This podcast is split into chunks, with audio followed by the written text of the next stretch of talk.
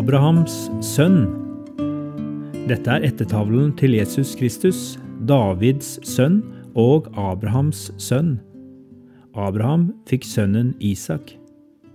Matteus 1, 1-2.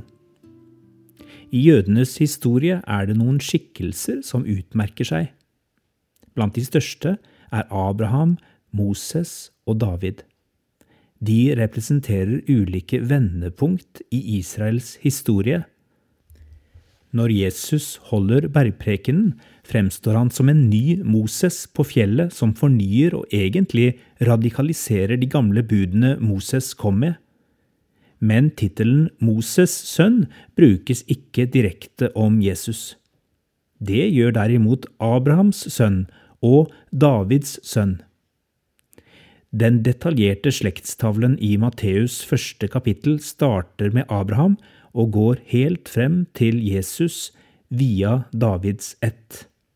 Slik understreker evangelisten at Jesus ikke kom med en ny religion. Han er oppfyllelsen av det løftet som først ble gitt av Gud til Abraham. I deg skal alle slekter på jorden velsignes. Første Mosebok 12,3 kan det også være mer symbolikk i benevnelsen Abrahams sønn. Abrahams sønn med Sara heter Isak. I en hjerteskjærende fortelling i første Mosebok 22 settes Abraham på prøve av Gud. Han blir bedt om å ofre sin sønn. Isak spør hvor lammet som skal ofres, er. Da svarer Abraham profetisk, uten selv å vite det.